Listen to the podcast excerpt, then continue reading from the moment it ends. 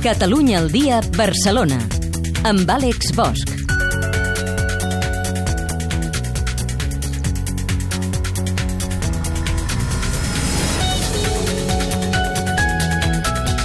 Bon dia i benvinguts al Catalunya al dia Barcelona. Parlem de l'anèssim capítol del Banc Expropiat de Gràcia. Ahir a la tarda, quan per la xarxa es corria que diumenge un dels ocupes que havien tornat a accedir al local de Gràcia s'havia quedat dins, amagat, ens costava de creure. Ens costava de creure que els Mossos els haguessin els hagués passat per alt, però resulta que era veritat. Deien els ocupes que passades 72 hores calia una ordre judicial per fer fora el nou inquilí, però no va ser així. Els Mossos van tornar a entrar i el van fer fora, però la sensació és que ahir David li va marcar un gol per l'esquadra Goliat. Això mentre els comerciants de Gràcia tenen la por al cos, no volen problemes a les portes de Nadal. I aquest matí, en un horari gens habitual, ha començat de fet a les 8 del matí, l'Ajuntament de Terrassa ha fet un ple extraordinari de gran transcendència. El plenari municipal ha debatut la liquidació del contracte de subministrament d'aigua amb l'empresa Mina després de 75 anys de concessió. De seguida anem a Terrassa.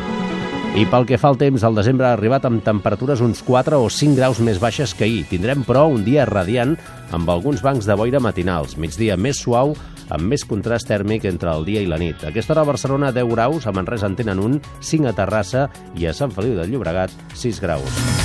Fem també un cop al transport públic. Transmet Rosa Avis, bon dia. Hola, molt bon dia. Ara mateix podem parlar de normalitat, cap incidència, cap alteració a destacar, almenys així ho indiquen les dades facilitades per metro, autobusos, tramvies, ferrocarrils de la Generalitat i Rodalies de Catalunya. És tot de moment des de Transmet. Molt bon dia.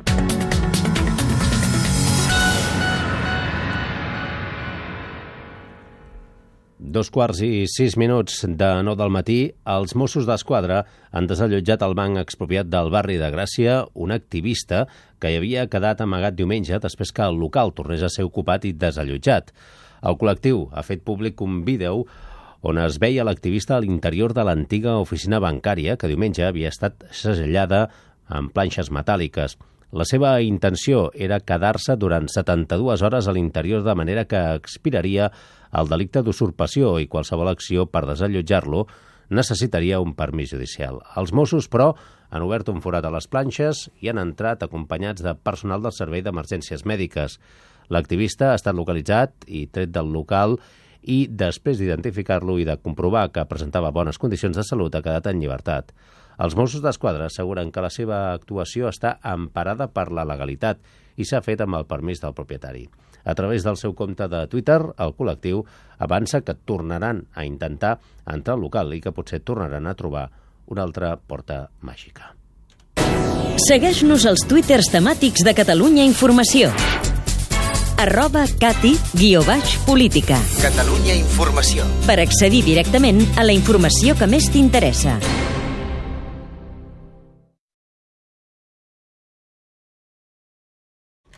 Continuem. Els alcaldes metropolitans demanen al Parlament que faci una llei d'habitatge el més ambiciosa possible. El text que està preparant la Cambra Catalana ha de substituir els articles derogats pel Tribunal Constitucional de la Llei d'Emergència Habitacional. Els alcaldes de Barcelona, Santa Coloma, l'Hospitalet, Badalona, Sabadell i Terrassa han reclamat conjuntament que el Parlament tingui en compte les seves propostes perquè consideren que són els municipis els que han de fer front als desnonaments. L'alcaldessa de Santa Coloma, Núria Parlon, ha reclamat que tinguin molt en compte al món local. Necessitem un enfocament integral i sobretot la coordinació de les diferents administracions públiques, però també que se senti la veu del món local. Nosaltres volem ser partícips i copartíceps d'aquelles mesures en les quals, com deia, necessitem més recursos per poder-les posar en marxa i sobretot també participar de les estratègies que s'han de desenvolupar. Per la seva banda, l'alcaldessa de Barcelona, Ada Colau, ha reclamat que la nova llei tingui el màxim finançament possible. Colau ha assegurat que els 14 milions d'euros previstos són insuficients. Amb l'envergadura del que estem parlant és claríssimament insuficient, amb un pressupost de, milió, de milers de milions d'euros 14 milions amb l'emergència habitacional de la que estem parlant és molt pocs diners, vull dir que efectivament cal parlar d'ampliar aquesta dotació pressupostària. La llei està encara en període d'esmenes i es preveu que s'aprovi a finals de gener. Catalunya Informació. El regidor de la CUP de l'Ajuntament de Barcelona, Josep Garganter, afronta avui un judici per un delicte lleu de coaccions.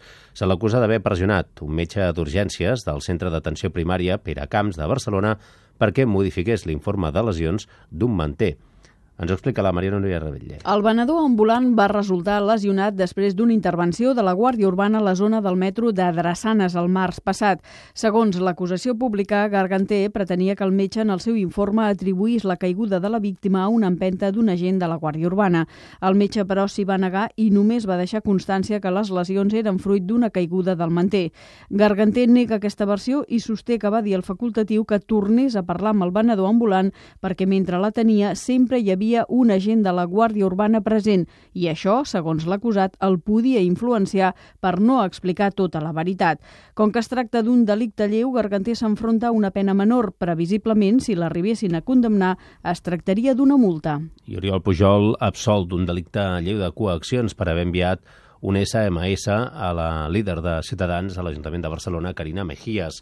En la seva sentència, el jutge remarca que el missatge va ser desafortunat, però no pas amenaçador, perquè no era l'anunci de cap mal concret contra Mejías. El missatge de l'exdirigent convergent deia, deia sabia que eres una persona recargolada, això et donarà malviure, cuida't.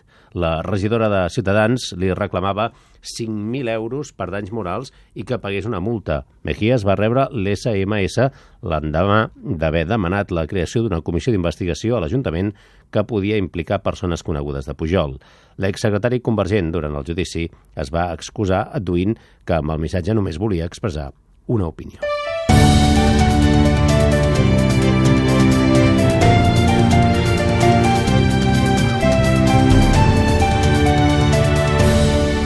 Barcelona tindrà un vol directe amb Lima per primera vegada a partir del 16 de desembre.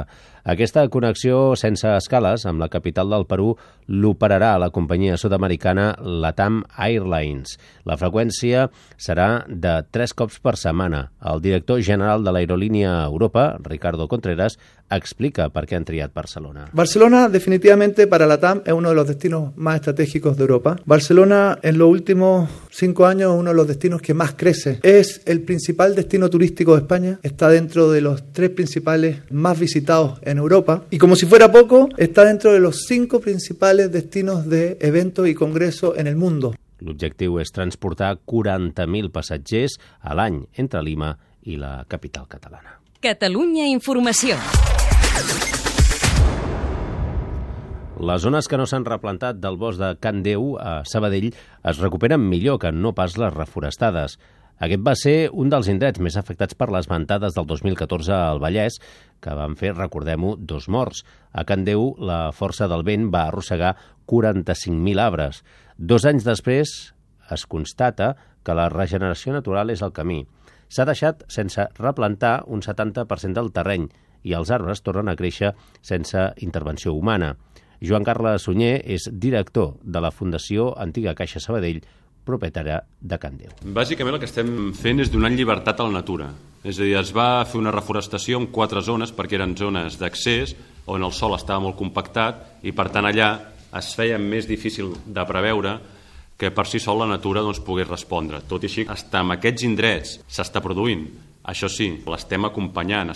De cara al futur, es faran actuacions en aquelles zones on la regeneració natural sigui més complicada.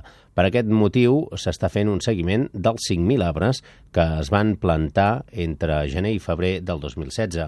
Els estudis constaten han, constaten han estat també un èxit que pràcticament tots els exemplars han arrelat. Catalunya Informació. A Barcelona, Badalona, l'Hospitalet de Llobregat i Sant Adrià de Besòs, 92.0. A Sitges i Vilanova i la Geltrú, 94.7.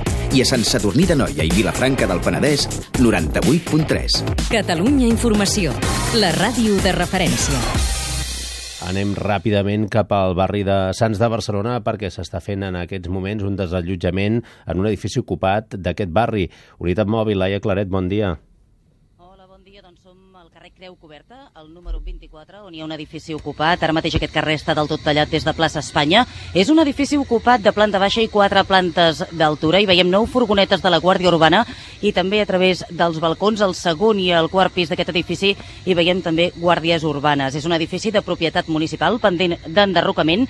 També veiem una quinzena de persones que són fora de l'edifici com a protesta amb pancartes contra l'especulació i contra diversos cossos policials i ara mateix fa pocs minuts acaben d'arribar també dues furgonetes furgonetes dels Mossos d'Esquadra.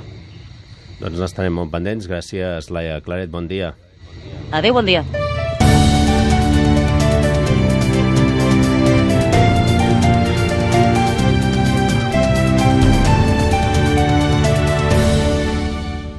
Amb aquesta informació hem arribat pràcticament al punt de 3 quarts de 9 del matí. És moment de fer un cop d'ull al trànsit.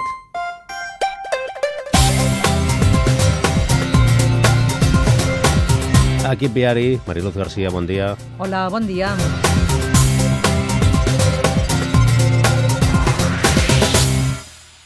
Diverses incidències afecten la circulació a aquesta hora a banda de les cues habituals a l'àrea metropolitana de Barcelona.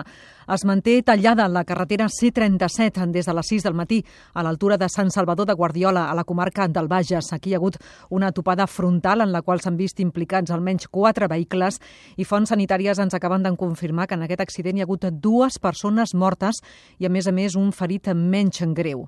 En sentit nord es fan desviaments per l'interior de la població de Sant Salvador de Guardiola i en sentit sud hi ha tallat l'accés des de la C25, l'eix transversal. Un altre accident que no sembla greu a l'autopista AP7 a l'altura de Mollet del Vallès i en direcció sud a la zona del viaducte entre quatre turismes ocupa el carril esquerre i provoca com a mínim 9 quilòmetres de cua des del peatge de la Roca del Vallès. En sentit nord també hi ha aturades entre Mollet i Parets per enllaçar amb la C17. Això provoca també retencions a la C60, a la Roca del Vallès, en direcció Granollers i cap a l'AP7. A més a més, en aquesta zona, a la C17, a l'altura de Parets del Vallès i en sentit sud, en direcció Barcelona, acaben de retirar els vehicles implicats en un accident que ocupaven el carril esquerre. També hi ha hagut alguna persona ferida. Hi ha retencions compactes de com a mínim 9 quilòmetres entre Canovelles i Parets en sentit sud i en direcció nord cap a Vic també hi ha cua entre Mollet i Parets. A l'autovia A2 hi ha un autocar avariat a Sant Vicenç dels Horts en direcció Lleida, que ocupa el carril dret i provoca retencions. En sentit Barcelona hi ha aturades habituals entre Pallejà i Sant Vicenç dels Horts i també de Sant Joan d'Espí a Cornellà. A la C14, un accident a Reus en direcció nord talla un carril i també provoca retencions.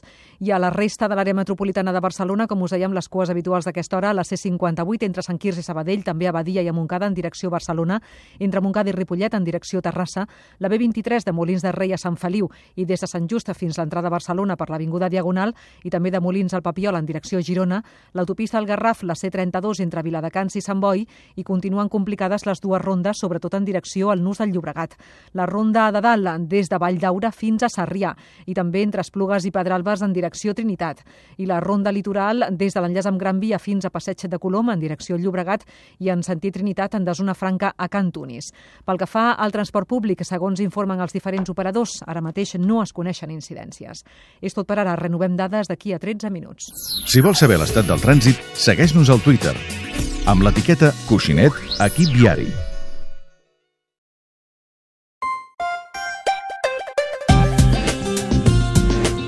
Repassem també la previsió del temps amb la Gemma Puig.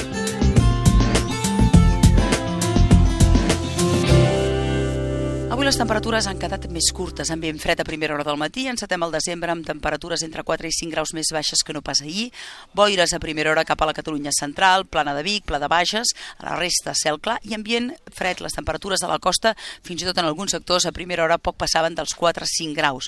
Això sí, l'estabilitat i el sol farà que el contrast tèrmic sigui una miqueta més marcat al migdia, més valors arribant als 15 graus o puntualment per sobre. Poques novetats avui, demà i demà passat. Anticicló, boires a primera hora del matí, contrast tèrmic entre el dia i la nit, però en canvi, diumenge, altre cop tindrem vents allevantats que portaran núvols i algunes precipitacions. Catalunya Informació. En un horari gens habitual, ha començat de fet a les 8 del matí, l'Ajuntament de Terrassa ha fet un ple extraordinari de gran transcendència. El plenari municipal ha debatut la liquidació del contracte de subministrament d'aigua amb l'empresa Mina després de 75 anys de concessió. Anem fins a Terrassa. Miquel Jarque, bon dia. Hola, molt bon dia, Àlex. I a partir d'aquí, la voluntat de l'Ajuntament és anar cap a la municipalització del servei, no?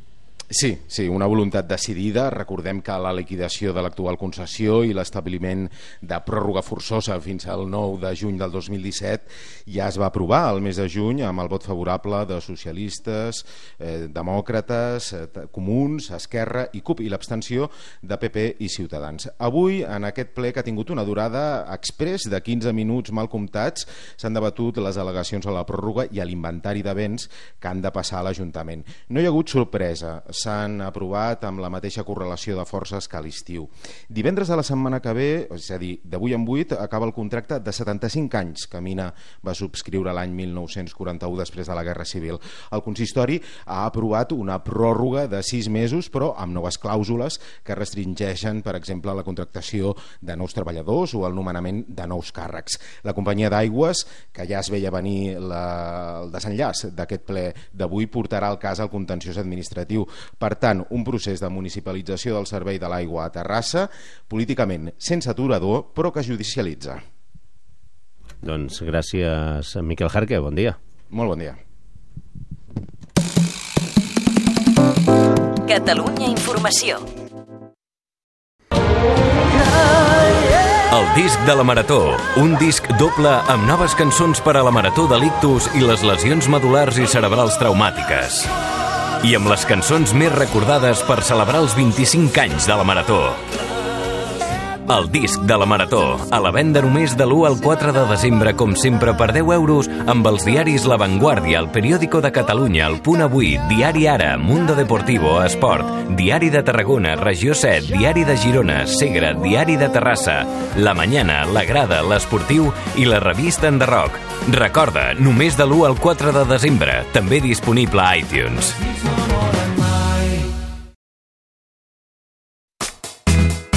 Catalunya Informació.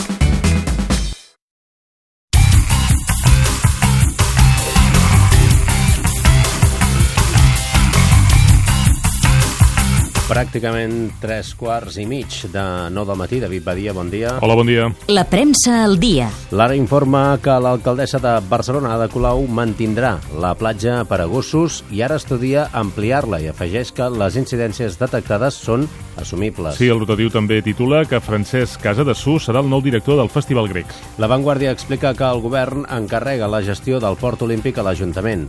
Les dues institucions firmaran un protocol destinat a garantir el lideratge públic en la reforma de la infraestructura. Una altra informació ve titulada com a Quan el teatre treu de la presó i fa referència al muntatge que dirigeix Carme Portacelli amb presos de Brians 2 i que es veurà avui al Caixa Fòrum de Barcelona. El periòdico obre les pàgines de Gran Barcelona explicant que els alcaldes de sis ciutats metropolitanes jutgen insuficient la nova llei de la vivenda. I avança que el Barcelona Shopping Night ocuparà aquesta nit el Passeig de Gràcia amb botigues obertes, promocions, descomptes i tota mena d'actes. El punt avui també recull el Front Metropolità de Grans Ciutats contra els desnonaments i titula que la moneda de Santa Coloma es dirà grama. A l'edició del Maresme titula que la comarca només ha rebut un 1% dels ajuts promesos pels aiguats i a l'edició de la Catalunya Central destaquen la posada a punt del monestir de Montserrat amb la restauració del campanar gòtic i l'ampliació de la biblioteca del monestir. I acabem amb el Regió 7 que situa en portada la querella contra set metges de l'Hospital d'Igualada per la mort evitable d'un jove. Sí, la família demanda al centre i acusa d'homicidi imprudent els facultatius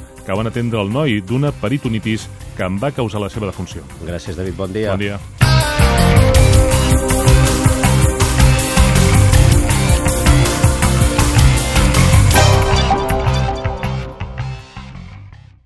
Catalunya Informació, Barcelona. Igualada recupera aquest Nadal les projeccions de cinema comercial. El 16 de desembre s'obrirà una sala de cinema a l'Ateneu Igualadí amb capacitat per a 130 persones. Anem fins a Igualada. Àngels López, bon dia. Hola, bon dia. Gairebé tres anys després del tancament dels Cursal, Igualada recupera les projeccions de cinema. L'Ajuntament, propietari de la sala i l'Ateneu Igualadí, que la gestionarà, van arribar a un acord que ha permès adequar un espai a l'Ateneu, on s'hi faran projeccions durant els set dies de la setmana. L'equipament, totalment digitalitzat, oferirà pel·lícules d'estrena, també versió original i programació infantil. Hi haurà sessions matinals, de tarda i també golfes Terrades. Mireia Claret és la presidenta de l'Ateneu Igualadí. Nosaltres el posem a disposició de la ciutat i és la ciutat, és tota aquella gent que va dir que volien un cinema que l'utilitzin, que el facin servir. Nosaltres farem el màxim i el possible perquè sigui una programació atractiva, a gust de tothom. Aquest proper dissabte s'inaugurarà la sala oficialment en presència del president de la Generalitat, però no serà fins al 16 de desembre que començarà la programació habitual, amb l'estrena de la nova entrega de Star Wars. Durant aquests dies d'impàs es programaran diverses sessions de prova també obertes al públic. Les obres finançades per l'Ajuntament i l'Ateneu han costat uns 250.000 euros. I aquest vespre es celebra la Shopping Night al Passeig de Gràcia de Barcelona. Un total de 50 botigues 14 restaurants i 10 hotels d'aquest emblemàtic carrer de Barcelona ofereixen descomptes, fan activitats al carrer, organitzen concerts, festes, passarel·les de moda i degustacions, tot relacionat amb l'obra de Lewis Carroll, Alicia, el País de les Meravelles. En aquesta setena edició s'hi afegeixen molts establiments de marques de luxe. Exposa les novetats la directora de l'esdeveniment, Noemí Talero. Aquest any hem tret molta moda carrer, hem posat un espai outfit de 50 metres quadrats, totes les botigues que han volgut participar tindran presència allà, trobaran gastronomia, sobretot aquest any està molt implicat el món influencer i blogger. La Shopping Night al Passeig de Gràcia de Barcelona es fa avui, de les 8 del vespre a la 1 de la matinada. S'espera que hi vagin 80.000 persones. Catalunya Informació. I avui obren les portes una seixantena de les 125 botigues del remodelat Centre Comercial de les Glòries de Barcelona. Després de 21 anys, aquest espai havia quedat obsolet i ara s'adequa al canvi urbanístic i arquitectònic del seu entorn. Així, el nou espai s'integra a la ciutat per convertir-se en un eix comercial amb mobiliari urbà dissenyat per Javier Mariscal. Òscar Valero és el responsable del projecte. Defugim del model de centre comercial tancat, defugim del centre del model de comercial de tinc que entrar per nassos, no i ens convertim en un eix comercial, com qualsevol altre de, de la ciutat. Per què? Perquè estem al centre de la ciutat. Perquè aquest centre fa 20 anys estava a la perifèria i ara la ciutat se l'ha menjat. Per tant, hem de donar resposta en això. En la remodelació s'han invertit 140 milions d'euros.